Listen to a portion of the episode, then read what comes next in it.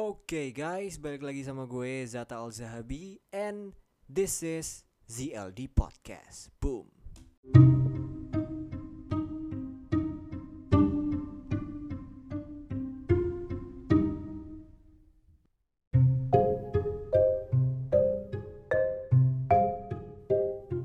Alright guys, welcome back to another episode of ZLD Podcast. Ya, Oke, setelah dua bulan terakhir gue upload episode ZLD Podcast ya udah ya udah lumayan jarang gue upload cuma kali ini gue memang lagi pengen membahas sesuatu yang sekarang jadi waduh ya bisa dibilang perang argumen ya medan perang. Selain memang uh, ada konflik perang yang terjadi sekarang di dunia yang lagi memanas yang sebenarnya sudah uh, hampir ratusan tahun ya konflik antar dua negara ini. Kalian pasti tahu lah ya di media sosial sekarang masih rame diperbincangkan yaitu tentang konflik Israel dan Palestina. Ya, yang sekarang Israel masih terus menggempur wilayah Gaza di Palestina bahkan tidak hanya Gaza. Kalau kalian lihat berbagai berita di berbagai macam media platform itu mereka juga menyerang wilayah West Bank ya. dan ya banyak banget propaganda yang dilakukan sama Israel dan yang mereka kan berkoalisi sama negara Barat. Dan ya bisa dibilang Israel itu adalah anak emasnya Amerika lah ya. Anak kesayangannya Amerika gitu. Dan negara-negara Barat lain ya mereka bisa dibilang superpower yang dilakukan mereka sebenarnya bukan uh, serangan balasan atau apa kan mereka sering bilang ini adalah serangan balasan karena Hamas menyerang pada 7 Oktober kemarin ya kan? Berarti dua bulanan yang lalu itu Hamas kan sempat nyerang Tel Aviv sempat nyerang uh, festival musik juga memang itu benar-benar terjadi. Cuman itu dijadikan uh, legitimasi atau alasan Israel supaya bisa menyerang dan membombardir Gaza sampai sekarang hancur lebur gitu ya. Mereka tidak hanya mengebom uh, markas militer mereka mengebom masjid mereka mengebom sekolah universitas rumah sakit ya. Warga sipil dari semua kalangan bayi anak-anak ibu-ibu semuanya mati. Ya, ribuan orang tewas warga sipil tewas. Mereka selalu berlindung di balik ini serangan balasan. Kami hanya membasmi Hamas. Itu adalah alasan terkonyol dan teridiot yang pernah gue denger ya. Ya tapi gue tidak hanya ngomongin gue di sini di episode kali ini gue nggak hanya menghujat Israel karena emang negara biadab itu pantas dihujat ya. Gue nggak akan menghujat Israel atau nge ngebela Palestina aja. Nggak nggak itu aja yang gue bahas di sini. Cuma ada hal menarik yang terjadi di media sosial sekarang gitu ya. Gerakan massa atau suara yang luar biasa besar gitu ya. Jadi perang tidak hanya terjadi antara kedua negara di dunia nyata, tembak-tembakan atau saling bom, saling lempar granat, saling hmm, adu senjata gitu ya. Tapi juga adu argumen di media sosial. Juga terjadi serangan massa yang luar biasa di ruang digital kita di media sosial kita kalau di Instagram sendiri hashtag Free Palestine itu yang disuarakan sama massa sama publik itu mencapai sekitar 1,1 juta. Ya itu data uh, beberapa hari yang lalu gue lihat. Harusnya sekarang sudah meningkat ya. Bahkan di TikTok jauh lebih banyak ya 10, berapa juta gitu kan. Dan itu kalau di compare sama uh, kan sekarang juga terbagi dua kubu ya di media sosial juga banyak yang mendeklar dirinya pro Israel gitu. Tapi biasanya kalau di Indonesia yang sok-sokan pro Israel kalau nggak sok-sok netral tuh biasanya pakai akun alter ya. Jadi kalau ya dia debat sih debat cuman pakai akun alter. Jadi postingan nol followers 50 jadi biasa gitu. Jadi udah lah gak usah dipikirin orang-orang kayak gitu cuman ya udah beraninya cuma pakai akun alter doang. Avatarnya biasanya avatar uh, anime gitu kan. Nggak jelas gitu orang-orang gitu. Jadi nggak mau speak up. Eh mereka mau speak up tapi mereka tidak terbuka dengan identitas aslinya. Ya udahlah itu nggak usah dipikirin gitu nggak usah ya udah biarin lah biarin kayak gue sih netral. Lagian siapa juga siapa juga Hamas siapa juga yang nyuruh Hamas nyerang kan jadi sekarang kalau gak Hamas gak nyerang Palestina nggak akan kayak sekarang. Palamu soe. Goblok. Ya kalau misal kita belajar sejarah juga ya makanya itulah pentingnya membaca gitu pentingnya kita tarik balik sejarah kayak yang gue bahas sebelumnya di story Instagram gue di artikel gue juga pernah gue tulis tentang uh, track record atau sejarah panjang per perselisihan konflik antara dua negara ini gitu. Nggak bisa disimpulkan itu guys. Kalau misalnya kita ngelihat tanggal 7 Oktober doang ya itu kita tolol. Jadi kita seolah-olah oh ini semua gara-gara Hamas ini semua. Nah itu yang tolol gitu. Jadi konflik ini tuh bukan dimulai 7 Oktober 2023 ya konflik ini tuh dari tahun 1947 1948 awal terbentuknya negara Israel pasca perang dunia 2 ya yang di, yang mereka ini dibentuk oleh Amerika Sampai sekarang mereka didukung secara finansial, secara militer didukung penuh oleh Amerika dan koalisi-koalisi negara barat, Inggris, Jerman, semuanya mendukung mereka. Ya. Mereka ini negara yang muncul atau tumbuh setelah Perang Dunia II. Sebelum itu mereka belum ada. Ya. Ya ini nanti kita kalau ngomongin sejarah panjang lagi ya. Oke, sekarang balik lagi ke uh, media sosial. Dan di media sosial ini, guys, menarik. Uh, ada beberapa peneliti yang melakukan riset, ya, dan ternyata yang paling banyak menyuarakan kebebasan Palestina, yang paling banyak atau paling lantang menyuarakan dukungan mereka untuk Palestina itu kebanyakan adalah Gen Z. Gen Z, termasuk gue juga nih. Teman-teman mungkin di sini yang dengerin podcast ini ada yang Gen Z gitu ya, yang kelahiran 95 2010 itu yang umur-umur sekarang masih umur 25 umur 24 23 19 18 tuh masuk masuk uh, Gen Z gitu ya jadi Gen Z ini bener-bener mereka ini berani dan lantang terbuka gitu ya menyatakan dukungan mereka terhadap Palestina gitu uh, ini seolah-olah menampar atau menangkis stigma masyarakat selama ini tentang Gen Z gitu ya. Kan banyak stigma-stigma negatif tentang Gen Z dianggap generasi lembek lah generasi instan lah nggak punya loyalitas nggak punya daya juang gitu. Kayak generasi yang banyak mau dan macam-macam idealis dan sebagainya gitu. Dikit-dikit mental health gitu kan banyak tuh yang uh, anak-anak milenial kalau nggak Gen X baby boomer yang ngecengin Gen Z gitu anak-anak muda sekarang gitu. Dikit-dikit mental health dikit-dikit healing ya, gitu. Tapi di kondisi saat ini di mana konflik Israel dan Palestina ini masih sangat panas ya guys ya masih sangat ya luar biasa gitu ya pembantaian yang dilakukan sama Israel. Itu juga nggak sebanding dengan apa yang dilakukan oleh Hamas sebenarnya ya. Jadi memang tidak bisa dibenarkan juga buat gue yang kemakan propaganda itu yang nganggap Hamas teroris dan sebagainya itu ah, orang-orang yang gimana ya kalau istilah sopan itu gue nggak punya istilah sopan lagi. Gue mentok bahasa gue cuma tolol aja gitu. Ya coba aja gitu baca sejarah ya. Perang dunia perang dunia satu aja deh. Dulu perang dunia satu tuh nggak ada Israel guys. Ya Israel tuh dulu wilayahnya tahu? Kaisaran Utsmaniyah ya Kaisaran Syam. Dulu tuh karena Utsmaniyah dulu kalah perang di perang dunia satu akhirnya hilang ya itu jadi runtuhan negaranya diambil dibagi-bagi sama Eropa sama Jerman sama sama Amerika juga ya. baru ada semacam perjanjian yang dibuat oleh Rothschild dan perdana menteri Inggris pada saat itu setelah perang dunia satu itu untuk mendirikan pemukiman Yahudi nah di situlah cikal bakal negara Israel muncullah gerakan dengan ideologi ekstrim namanya Zionis ya. Zionis itu ya adalah ideologi yang mereka ini pengen kembali ke Bukit Zion sesuai dengan kitab Taurat mereka. Bahwasanya di Bukit Zion itu akan ada, akan ada perwujudan Al-Masih Isa Al-Masih yang akan diturunkan ke bumi. Dan Isa Al-Masih itu di, di, diceritakan akan bersama orang-orang Yahudi gitu. Itu ambisi mereka kar karena itulah mereka terus memborbardir Gaza karena mereka mau menguasai wilayah itu wilayah semua wilayah Palestina sampai West Bank sampai arah ke Mesir bahkan tuh mau dikuasai sama orang-orang Yahudi karena ambisi mereka itu. Jadi gitu guys. Ideologi Zionis ini yang masalah ya. Ideologi Zionis ini intinya ya ideologi radikal juga cuman emang nggak pernah disuarakan sama media barat gitu kalau kalau media barat kan selalu yang ngecap uh, radikal itu pasti uh, kelompok Islam gitu kan. ISIS ISIS oke okay lah.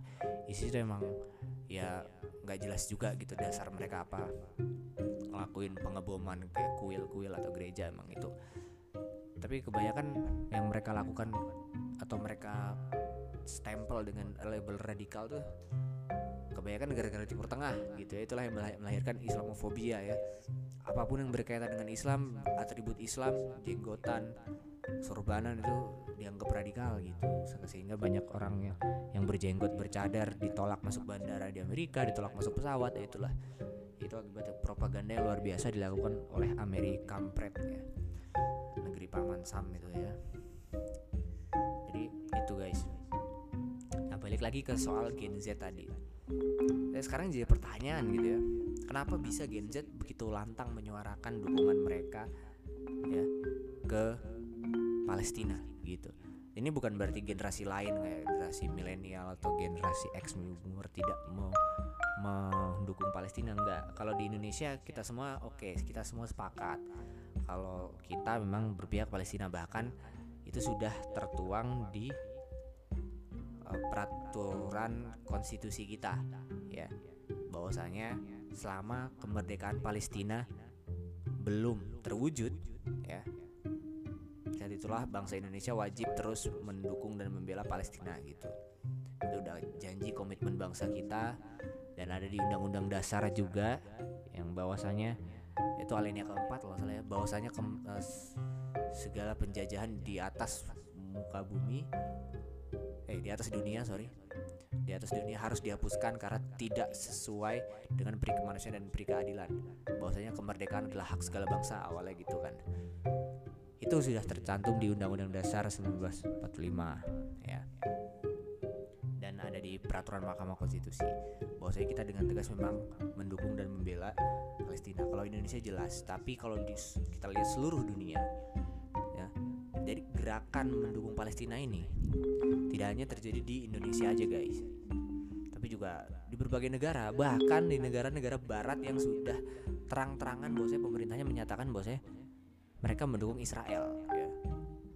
kayak Kanada, Inggris, Spanyol, Amerika bahkan yang presidennya sendiri menyatakan dengan tegas di twitternya bahwasanya dia mendukung Israel. Pemerintahnya pun semua eksekutifnya mendukung penuh agresi militer Israel ke Gaza.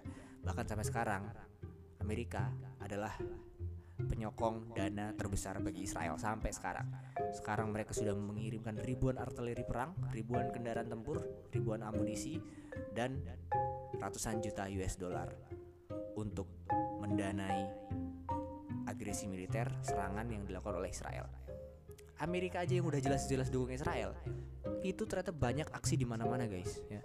Mereka nyerang White House, mereka nyerang gedung kementerian, ya dan itu kebanyakan kalau kalian lihat di CNN di CNBC di BBC itu demonstran-demonstran pembela Palestina itu itu kebanyakan anak muda gitu. Umur umur 20-an lah kebanyakan Gen Z gitu. Ya, ya orang yang orang tuanya pun ada cuman kebanyakan itu Gen Z yang berada berada di garda terdepan gitu. Yang mereka pakai yel yel kayak free free Palestine Palestine will be free. Gitu. itu keren banget. Gue sampai uh, merinding gitu. Ketika nonton kalian boleh nonton lah. Di YouTube tuh banyak banget gitu. Jadi Gen Z itu seberani itu guys ya. Karena kan uh, ini kan memang konflik ini cukup rumit kalau misalnya kita lihat dari semua aspek ya. Dari politiknya dari sosialnya dari berbagai kepentingan negara-negara gitu. Kenapa kenapa sih negara-negara barat ini ngedukung Israel? Ya sebenarnya nggak jauh-jauh dari kepentingan politik guys gitu. Karena kan memang mereka terikat perjanjian gitu. Uni Eropa itu memang udah jelas ya mereka punya sistem ekonomi sistem politik yang yang udah solid gitu yang menguntungkan mereka gitu. Negara-negara yang di luar itu yang timur tengah kalau mau join ke mereka mau dapat fee yang cukup untuk jadi negara maju negara yang berkecukupan ya harus ikutin peraturan mereka. Ya. karena Amerika ini memang dari dulu yang mendukung Amerika dan Inggris ya yang mendukung pembentukan negara Israel ya pastinya. Sampai sekarang dibela gitu. Jadi bukan karena mereka nggak punya kemanusiaan atau bu nah ini mereka lebih ke gila kekuasaan dan gila duit gitu kalau gue lihat. Sebenarnya di dalam hati kecil mereka gue yakin mereka tahu kalau itu salah gitu mereka. Yang mereka lihat di media itu juga udah jelas-jelas. Ke mana arah misil Israel itu? Kalau misalnya mereka jadiin alasan ini serangan balasan ini untuk kita untuk membasmi Hamas katanya mereka ya Amerika eh, CIA-nya kuat intelijennya kuat. Lacak lah markas Gaza di mana sembunyinya mana ada asal serang rumah sakit diserang TK diserang ya kan? Makanya ada anak-anak bayi yang tot yang bener-bener badan itu langsung ketimbun reruntuhan batuan ada yang apa isi perutnya keluar sebagainya itu beneran sadis guys gitu. Beneran warga sipil yang dibunuhin. Ya pakailah teknologi lu kalau misalnya emang lu mau nyerang Gaza. Terus karena Gaza udah nyulik warga sipil lah. Eh, eh mohon maaf kalau misalnya warga sipil lu diculik ke Palestina ke Gaza kan kan Hamas itu berkuasanya di Gaza guys. Buat yang belum tahu Hamas Hamas itu sebenarnya partai politik yang punya basis militer. Jadi di uh, di Palestina itu ada dua partai politik yang kuat. Uh, aslinya itu ada empat partai politik cuman yang dua ini paling kuat. Yang pertama itu Hamas yang kedua Fatah ya. nah dua-duanya ini punya basis militer. Hamas itu kan singkatan uh, Halakoh Musyawaratul Islamiyah. Musyawakoh atau Musyawaratul gitu intinya perlawanan. Gerakan perlawanan Islam gitu. Ini mereka ini emang pada dasarnya partai politik cuma memang punya basis sayap militer gitu. Dari mana mereka dapat senjata? Itu banyak teori ya guys ya. Dari berbagai media ya. Belum ada jawaban pasti juga ada yang bilang dapat senjata dari eh, negara-negara Liga Arab ada yang memang dari black market dan sebagainya untuk mereka melakukan perlawanan itu. Tapi itu tidak ada bukti yang kuat yang bisa melacak dari mana si Hamas ini mendapatkan senjata gitu. Karena kan uh, Palestina sendiri juga negara yang memang nggak punya pengakuan dunia gitu. Jadi dunia memang belum mengakuin keberadaan Palestina sampai sekarang ya. Pemerintah terus pertanyaannya terus berarti Palestina nggak punya pemerintah gitu dong? Punya pemerintah lokal mereka punya cuman tidak diakui secara internasional gitu. Jadi negara-negara PBB itu tidak mengakui Palestina. Jadi di jurnya itu nggak ada gitu. Karena harus ada de facto dan di jur mungkin secara de facto mereka punya punya sistem pemerintahan tadi punya sistem politik punya.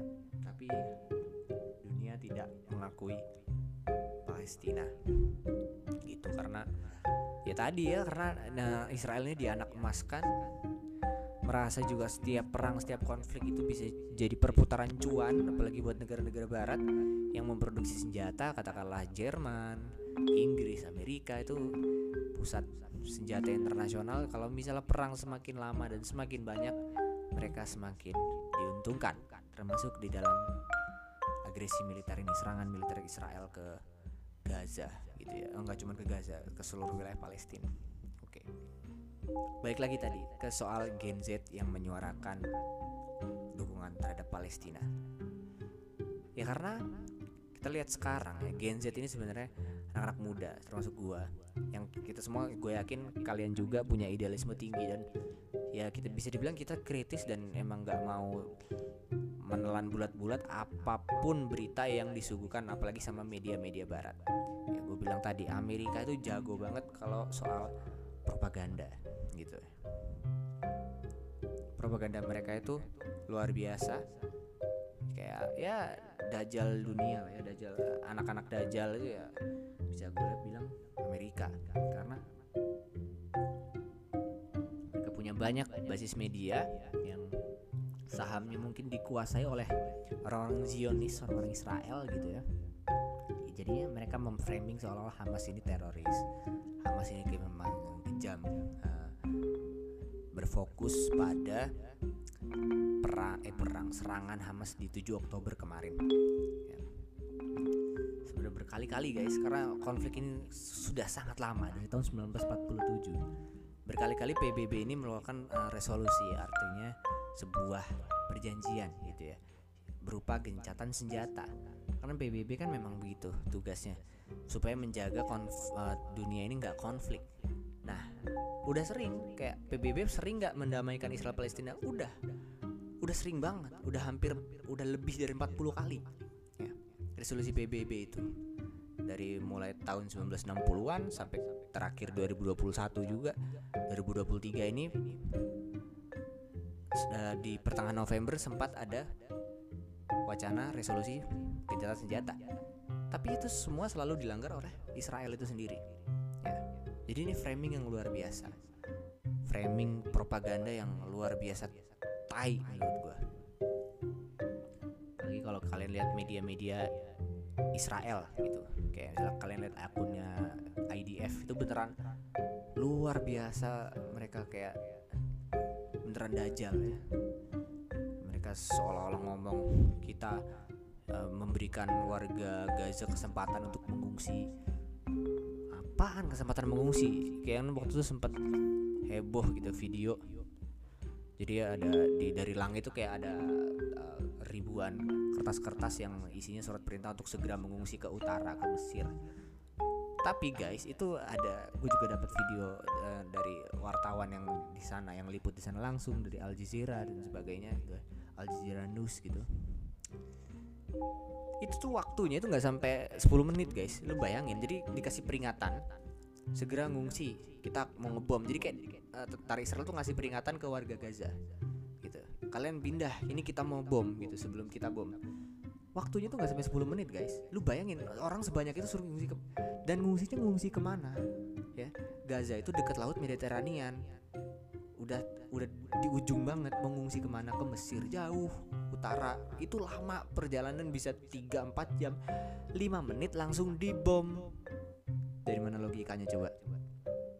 Ini gimana coba? Lu suruh eh pindah-pindah 5 menit dibom cedem mati semua. Tetap aja itu IDF tuh beneran busuknya tuh udah ketahuan banget. Gitu guys. Jadi ya di sini ya gue mau mengucapkan terima kasih lah ya buat kalian yang serik yang sudah lantang bersuara di media sosial di Instagram di TikTok dan sebagainya gitu untuk mendukung Palestina gitu. Kalian keren banget ya terusin perjuangan kalian. Semakin banyak tagar semakin banyak hashtag yang kalian buat semakin banyak konten yang kalian buat yang menyuarakan dukungan terhadap Palestina itu semakin berpengaruh terhadap ya pastinya ya akan berarti lah buat saudara-saudara kita di Palestina yang tiap hari menderita tiap hari harus hidup dalam ketakutan harus ya, hidup dengan dengan uh, suara dentuman bom setiap hari gitu. Setiap hari harus kehilangan orang-orang yang mereka sayang gitu ya. Sangat berarti pastinya buat mereka gitu guys. Ya Itulah kenapa Gen Z ini sangat berani dalam menyuarakan dukungan terhadap Palestina. Nah sekarang yang lebih wow lagi fakta yang mencengangkan lagi adalah sedangkan generasi-generasi atas itu. Ya. Terutama di negara-negara barat gitu ya. Banyak dari mereka yang memilih untuk bersikap netral. Yang bersikap netral ini mereka menganggap oh ini emang dua negara ini bermasalah it's too complicated gitu. Jadi saya netral nggak mau bela siapa-siapa sebenarnya. Ya karena itu tadi bisa jadi kemungkinan. Jadi kayak gue mem memaklumi juga mereka bekerja atau ber berkarir berorganisasi yang itu terikat sama orang-orang Zionis. Kayak sahamnya memang sudah dikuasai Zionis gitu. Bahkan Kanye West tuh sempat viral videonya yang dia ini membongkar kenapa banyak artis-artis artis-artis Hollywood yang justru mendukung Israel gitu. Karena selama ini memang nggak ada kan guys. Kayak uh, mereka silent silent aja. Dunia barat ketika tahun 2018 2019 itu juga terjadi bom di mana-mana di Gaza. Israel juga terus menyerang Gaza. Kayak barat itu santai-santai aja. Mereka sibuk dengan film-film Hollywoodnya kan? Sibuk dengan premier-premier kalau nggak uh, Balenciaga Balenciaga mereka itu kan kayak Oscar Oscaran mereka itu kan. Film-film musik-musik mereka kan. Mereka sibuk dengan itu. Tapi sekarang tahu-tahu musisi-musisi aktor-aktor tuh ada beberapa yang dengan lantang mereka mendukung Israel gitu itu karena kalau dari ungkapannya Kanye West yang dia ini beliau ini sangat berani ya gue respect banget sama paman West ya karena emang di mereka terikat dalam satu manajemen yang itu sudah dikuasai oleh Zionis. Jadi mereka takut untuk lantang untuk menyuarakan bahwasanya mereka mendukung Palestina. Meskipun dalam lubuk hati mereka mereka tahu secara kemanusiaan mereka mendukung Palestina sebenarnya kayak nih ini Zionis kurang ajar nih gitu. Tapi mereka nggak mau menyuarakan itu. karena takut karirnya end gitu. Takut karirnya berakhir. Bahkan ada yang mendukung Israel karena tadi ya, mereka terjebak dalam sistem itu kayak orang-orang Zionis itu kayak lu kalau misalnya nggak dukung kita ya berarti lu musuh kita gitu. If you if you not with us you are against us gitu Gen Z ini karena kita nih masih muda banget gitu ya, masih umur 20-an kita punya idealisme dan kita cenderung memang tidak menelan mentah-mentah media-media barat media-media konvensional. Kita lebih suka eksplorasi lebih dalam tentang satu informasi termasuk konflik kedua negara ini ya Israel dan Palestina gitu dari berbagai media berbagai perspektif dan sudut pandang. Dari berbagai sejarah gitu. Jadi kita kritis jadi kita tahu dan harus tahu juga buat teman-teman yang mungkin belum tahu ya harus tahu juga memang memang negara Israel ini baru guys ya. 1948 ini baru muncul. Dinasti kekaisaran Utsmaniyah itu sudah dari dulu ya. Ini pen, itu adalah awal pendirian mereka ini. Negara Israel ini ya dari tadi dari perjanjian Balfour antara Rothschild dengan Perdana Menteri Inggris pada saat itu 1917 sudah direncanakan sejak tahun itu cuman baru terrealisasi tahun 1947 karena waktu itu perang dunia ya. dan itu didukung penuh oleh Barat sampai sekarang. Jadi gue bisa dibilang memang Israel ini adalah golden kidnya anak emas dari negara-negara Barat. Lu mau sampai mampus tuh negara-negara Barat terutama Amerika Inggris Jerman itu membela mati-matian Israel. Apa pun serangan apa pun kejahatan dilakukan di Israel mereka tetap bela. Betapa tololnya Israel pun akan bela. Gitu. ya itu mereka bermain di propaganda melalui media. Itu kan media kan memang sarana yang sangat kuat gitu ya untuk mengiring opini publik dan membentuk pandangan kita gitu dalam melihat segala sesuatu. Makanya penting untuk melihat dari berbagai sumber nggak cuma satu aja gitu. Supaya kita tahu nih konflik nih siapa yang iblis siapa yang malaikat sebenarnya. Gitu. Karena iblis itu bisa berpura-pura jadi malaikat gitu jadi menghinakan malaikat supaya malaikat itu terlihat seperti iblis gitu jadi kita harus tahu mana tai mana berlian ya. kadang tai itu songongnya kayak berlian gitu padahal dia cuma tai nah, itu yang terjadi sekarang negara-negara barat itu sok-sok pahlawan gitu ya. kayak si paling human rights si paling hak asasi manusia cuman tiap hari dari tahun 1940-an sampai sekarang pembantaian di Palestina di Gaza mereka silent mereka diam semua bangsa berhak merdeka. Setiap anak setiap manusia eh, berhak mendapatkan jaminan untuk merasa aman hidup dengan bebas tanpa dibayang-bayangi rasa takut. Mana coba? Itu tiap hari yang dialami oleh warga Palestina warga Gaza sampai sekarang. Jadi di sini ini podcast ini ya sebenarnya curahan opini gue juga dan sharing gue juga intinya gue tegaskan yang dilakukan oleh Israel. Itu adalah genosida pembantaian guys. Mereka tidak ingin membasmi Hamas. Mereka ingin membasmi semua warga Palestina. Mereka mau menguasai tanahnya. Karena itu yang mereka yakini sebagai orang-orang Zionis mereka mau menguasai Al-Aqsa mereka mau menguasai sinagoga mereka menguasai gereja ortodok yang ada di sana. Ya. itu guys. Nah, makanya kita sebagai Gen Z juga harus terlibat dalam perjuangan perlawanan ini. Ya jangan mau lagi kemakan media-media barat gitu. Lagi dengan gampang ya nyebut Hamas teroris. Itu adalah statement tertolol yang pernah gue dengar. Ya, omongin di story gue juga ya mungkin kalian nonton. Jadi hitungnya coba masa dihitungnya dari serangan 7 Oktober doang? Selama ini lu ke mana aja gitu loh maksud gue kayak udah saya enak jidat nih orang-orang Israel. Nyerang warga sipil ngebunuh anak kecil dengan seenak jidat. Mereka ini sering tahu-tahu ya kayak ekspansi aja gitu guys. Kayak udah perjanjian wilayah Israel di sini sampai sini. Ini wilayah Palestina. Tapi mereka tetap aja memperluas wilayahnya dengan dengan militer dengan kendaraan militer.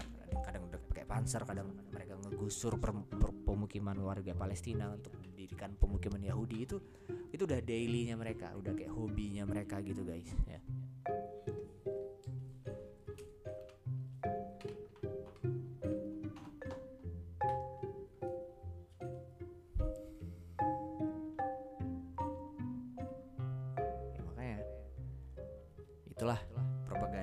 oleh media barat. Ya, namanya media bisa milih untuk mau menyajikan informasi apa gitu. Kita kadang dialihkan diterlenakan dengan isu-isu lain supaya perhatian kita teralihkan nggak mau melihat eh, yang terjadi di Gaza gitu ya kan. Kita dialihkan dengan yang lain-lain dengan pop culture mereka dengan musik-musik mereka dengan film-film mereka. Bukan berarti itu semua salah ya itu semua hiburan. Gue juga nonton gue juga mengkonsumsi itu. Cuman kita harus paham ketika ada ini yang terjadi pembantaian yang dilakukan oleh Israel terhadap warga-warga Palestina adalah nyata ya guys kita juga harus aware akan hal itu gitu ya bisa dibilang Gen Z ini adalah generasi yang tidak terbeli atau tidak termakan propaganda Zionis, propaganda media-media barat gitu guys. Karena apa? Karena tadi kita tuh berbagai sumber kita kita explore gitu ya, kita beneran kritis gitu. Ya kita makanya belajar dari sekarang untuk meningkatkan daya kritis kita guys untuk bisa membela saudara-saudara kita di Palestina. Ya. Itu juga sebenarnya ya kalaupun ngelihat sekarang ada yang milih netral dan sebagainya itu juga hak mereka gitu ya cuma misalnya kalau misalnya lu beneran paham akar sejarahnya lu pada akhirnya sebagai manusia lu akan membela Palestina. Karena beneran yang yang oportunis yang licik yang brengsek itu dari dulu emang emang Israel. Kayak bayangin 40 lebih perjanjian perdamaian mereka yang ngelanggar sendiri lu bayangin aja. Orang goblok mana yang yang janji sama orang 40 kali lebih diingkari gitu. Orang goblok mana 40 kali? Gue dua kali aja udah nggak percaya sama orang. Kayak ah enggak lah nggak mau lagi. Dua kali lu kemarin gini sekarang gini lagi. Ini 40 kali lebih. Orang goblok mana? Segoblok apa itu PBB bikin 40 perjanjian perdamaian dilanggar lagi dilanggar lagi. Yang nyerang siapa duluan? Israel dari dulu. Dari 2006 dari masuk 2010 2018 mereka sendiri. Mereka bilangnya itu serangan balasan. Apaan serangan balasan? Yang udah overpower Israel tuh udah overpower guys dibanding Palestina. Mereka ini senjata semuanya didukung penuh sama sama sama Amerika sama Inggris. Overpower ya. Tanknya mereka paling mutakhir canggih senjatanya ya kan? Intelnya juga kuat katanya. Katanya karena nggak bisa menemukan keberadaan Hamas ya kan? Katanya nyerang Hamas mau membasmi Hamas tapi yang diserang eh, rumah sakit kan aneh aneh ada sayap tentara bermukim di rumah sakit kan aneh gitu. Kalau misalnya intel lu canggih ya lacak lah dari mukanya dari sidik jarinya yang ketemu di serangan 7 Oktober itu dari mana ini si siapa ini si siapa berkoalisi bekerja untuk siapa bosnya siapa oh ini bosnya Hamas nih ternyata dari sidik jari itu bisa ketemu. Nah itu baru. Intel lu kuat. Nah, ini apaan? Nggak jelas yang yang dibom universitas kan aneh katanya pengen nyelamatin Sandra cuman dibom. Kan aneh ya. Jadi ya hanya orang goblok orang idiot orang apa lagi stupid yang percaya akan hal itu. Itunya. Ini gue mengcounter beberapa eh, influencer content creator yang sok-sokan menyalahkan Hamas gitu ya. Karena banyak gue lihat sekarang bermunculan influencer-influencer. Nggak banyak ya beberapa yang menyatakan Hamas ini adalah penyebab dari semua ini. Hei tolol gitu ya kayak gue bilang. "Ya udah kalau mereka bilang kita tolol ya kita harus juga bilang mereka goblok gitu aja. Nggak tahu sejarah baca bukunya kagak gitu ya cuman ngelihat dari 7 Oktober doang itu namanya. Idiot ya. Goblok. Apa apa kita mereka bilang kita goblok kita balik lagi. Oh ya lu juga goblok nggak? Cuman ngeliat dari 7 Oktober gitu. Karena ada guys ya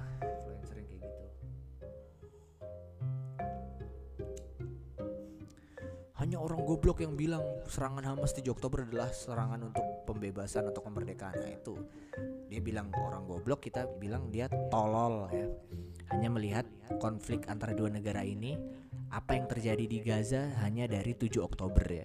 Hamas baru sekali nyerang. Bukan sekali, pernah berusaha menyerang cuman selalu digagalkan, selalu kalah jumlah. 7 Oktober itu salah satu yang serangan paling besar ya pakai tentara infanteri yang cukup banyak sampai 5 6 batalion, pakai pesawat, pakai pasukan para rider, pakai pasukan terjun payung gitu. Salah satu serangan militer Hamas yang terbesar dan berhasil memporak-porandakan wilayah Israel. Nah itu tapi yang dilihat mereka ya 7 Oktober itu yang sok-sokan netral gitu kayak Hamas ini nih yang jadi dalang. Coba kalau Hamas nggak nyerang pasti Palestina nggak akan kayak sekarang nih. So tahu lu. Lu tinggal di sono gitu kan pertanyaan gue gitu. Bang lu tinggal di sono. Hamas mau nyerang atau nggak nyerang? Palestina dibunuh secara perlahan guys. Tiap hari itu. Tentara IDF itu ya.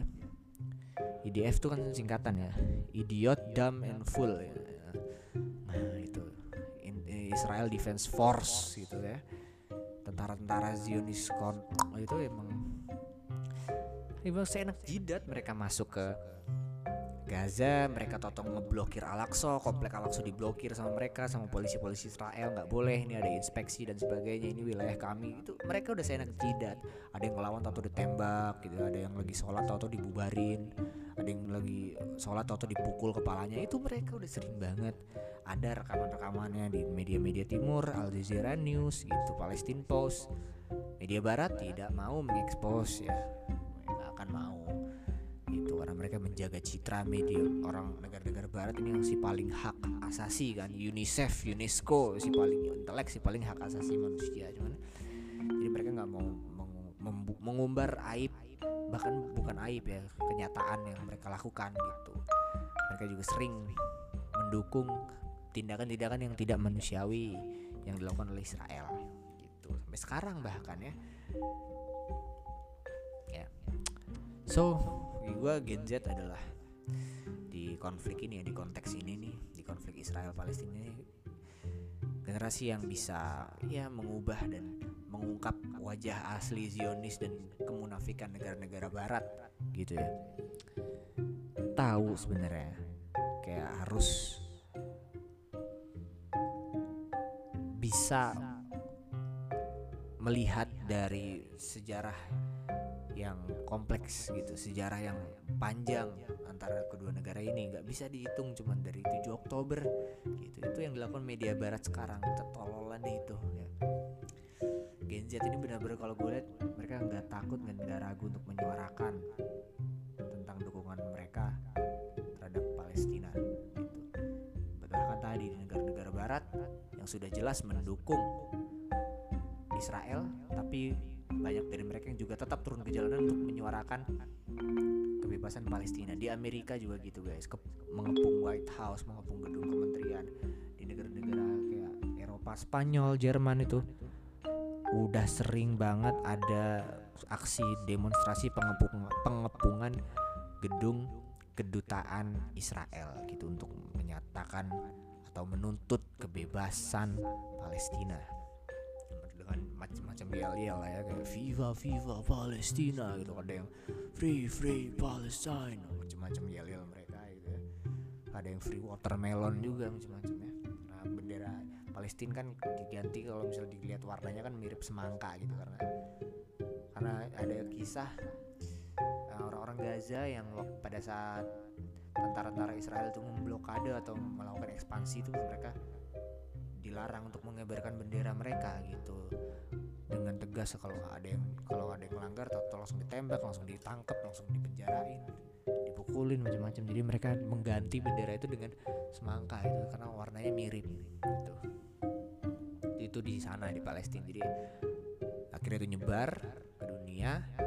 Ada satu wartawan yang foto itu dan sempat viral fotonya jadi semangka itu jadi akhirnya jadilah hashtag free watermelon gitu. Ini Gen Z ini ya karena kita masih idealis kita masih tinggi gitu ya sebagai anak muda. Kayak kita tuh yaudah kayak bodoh amat gitu. Kalau misalnya even ada banyak resiko ketika kita membela Palestina. Misalnya ada teman-teman di sini yang mungkin bekerja di perusahaan yang memang dikuasai Zionis sahamnya dipegang sama orang-orang Zionis gitu. Ya, mungkin resikonya kalian dipecat gitu. Dianggap tidak sejalan dengan visi perusahaan. Tapi itu gue lihat kayak nggak jadi penghalang gitu buat Gen Z Gen Z. Itu udahlah mending gue resign. Masih banyak kerjaan-kerjaan lain gitu kan kayak masih bisa kayak gitu. Kalau generasi-generasi atas Gen X baby boomer tuh udah jarang begitu karena mereka udah udah usia 30 40 tahun ke atas itu kayak udah mikir-mikir kalau mau resign belum tentu dapat kerjaan baru udah umur segini ya kan? Gitu. Gitu kayak "Oh, udahlah ini perusahaan nggak bener nih dukung Israel misalnya gitu. Dan kita tadi eh, preferensi kita luas dari berbagai media digital. Buku sejarah PDF juga udah banyak sekarang yang memuat perjalanan konflik Israel Palestina dan kaitannya sama perjanjian Balfour terus sama keluarga Rothschild gitu udah banyak dari kita yang baca gitu teman-teman juga gue yakin pasti. Jadi ya yeah, good job guys kayak so intinya Gen Z ayo sekarang saatnya tunjukkan taring kalian gitu ya dalam konflik ini bela yang lemah bela orang-orang yang tertindas di Gaza ya ungkap semua ke kegoblokan dan kemunafikan orang-orang barat itu. Ya, yang selalu menyuarakan tentang kemanusiaan tentang terorisme yang berbahaya di Timur Tengah padahal di New York sendiri angka kematian akibat gangster itu jauh lebih besar daripada angka korban teroris di Timur Tengah. Itu kan eh, tadi lagi-lagi propaganda ya. Mereka menyuarakan itu berantas terorisme berantas pembantaian tapi di negara mereka sendiri juga sering terjadi pembantaian. Baku tembak antar gangster perampokan pakai senjata api kan? Mereka senjata api bebas itu sering banget kalau di New York gitu. Mereka propagandanya tadi dengan oh itu di Timur Tengah sana ada gerakan radikal ada terorisme. Jadi dialihkan perhatian publiknya. Terus dialihkan dengan pop culture dengan film-film superhero mereka. Itu cara mereka seolah-olah di New York ini penuh dengan pahlawan negara, uh, kota yang aman. Padahal itu kota salah satu kota paling berbahaya di dunia guys New York gitu ya. Kriminalitasnya tinggi banget ya. Gangsternya gangster beneran pakai senjata brand pakai senjata laras panjang. Kalau di kita mungkin ada begal ada sajam yang itu juga berbahaya teman kalau mereka lebih berbahaya lagi pakai senjata api. Itu so buat kalian uh, Gen Z Gen Z nih yang sekarang masih be- berusaha mendukung Palestina dengan membuat postingan-postingan hashtag-hashtag itu ya teruskan perjuangan kalian. Dan sekecil apa pun akan berarti gitu. Nggak harus tiap hari kok ya seenggaknya seka- satu dua apa itu menunjukkan ketegasan kalian kesikap tegas kalian membela eh, kemanusiaan gitu bukan tentang tuduh-tuduhan siapa teroris siapa radikal seperti orang barat gitu kayak yang tolol gitu kan kayak ngelihat dari 7 Oktober doang gitu.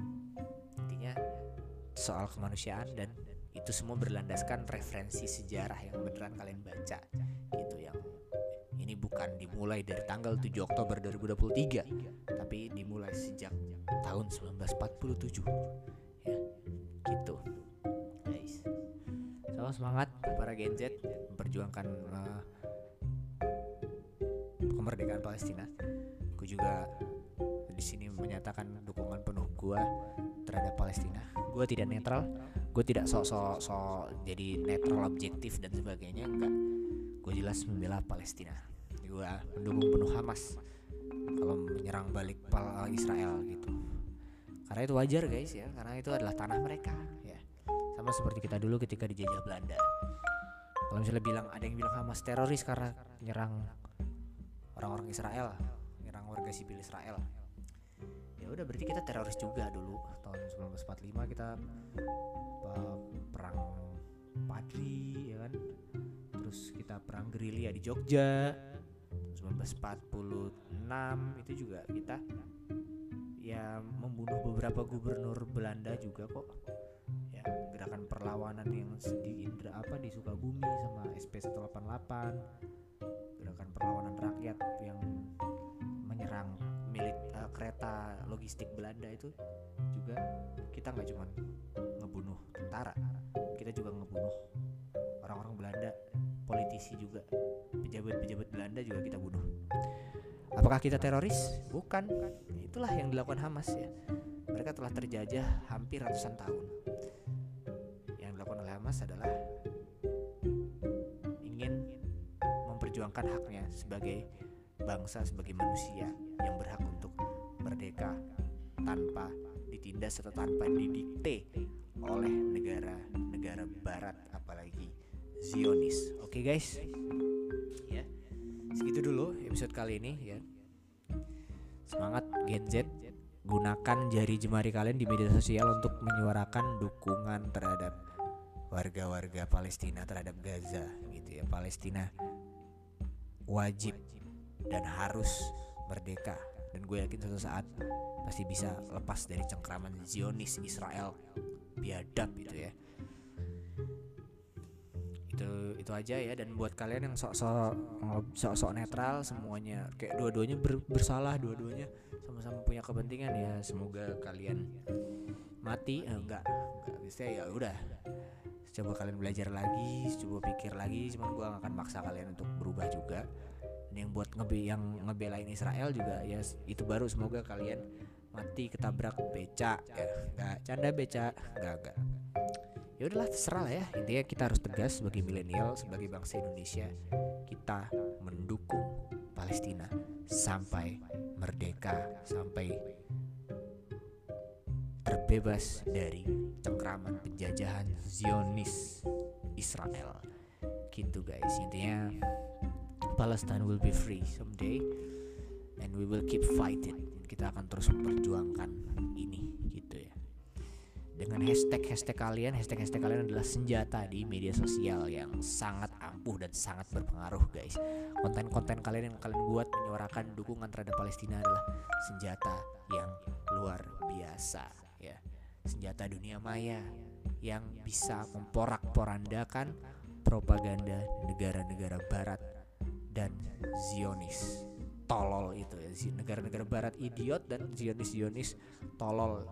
Oh, jangan deh. Negara-negara barat negara-negara barat setan dan Zionis iblis ya. Itu guys ya. Ya oke ya segitu dulu. Udah mau udah wah. udah 46 menit udah hampir sejam ya. Thank you guys buat kalian yang sudah mendengarkan dari awal sampai akhir. Ya this is ZLD podcast for Palestine. Ya. ZLD podcast stand with Palestine. Gue tidak netral gue bersama Palestina mendukung penuh serangan Hamas. Kalau perlu basmi semua Zionis Bodo amat ntar ada bilang teroris nih radikal nih terserah. Congor lu terserah mau ngomong apa. Gue mendukung Hamas gue mendukung Palestina. Oke jadi apa ya kesimpulannya adalah Israel kontol. Eh enggak. Israel babi. Ya oke guys. Segitu dulu ya. Thank you nih. Ya kan gue udah mau closing cuman kayak gue nggak puas pengen maki-maki Israel maki-maki Zionis juga gitu sampai sejam nih gue maki-maki oke thank you guys. Gue Zat Al Zahabi this is ZLD podcast and see you in the next episode. Bye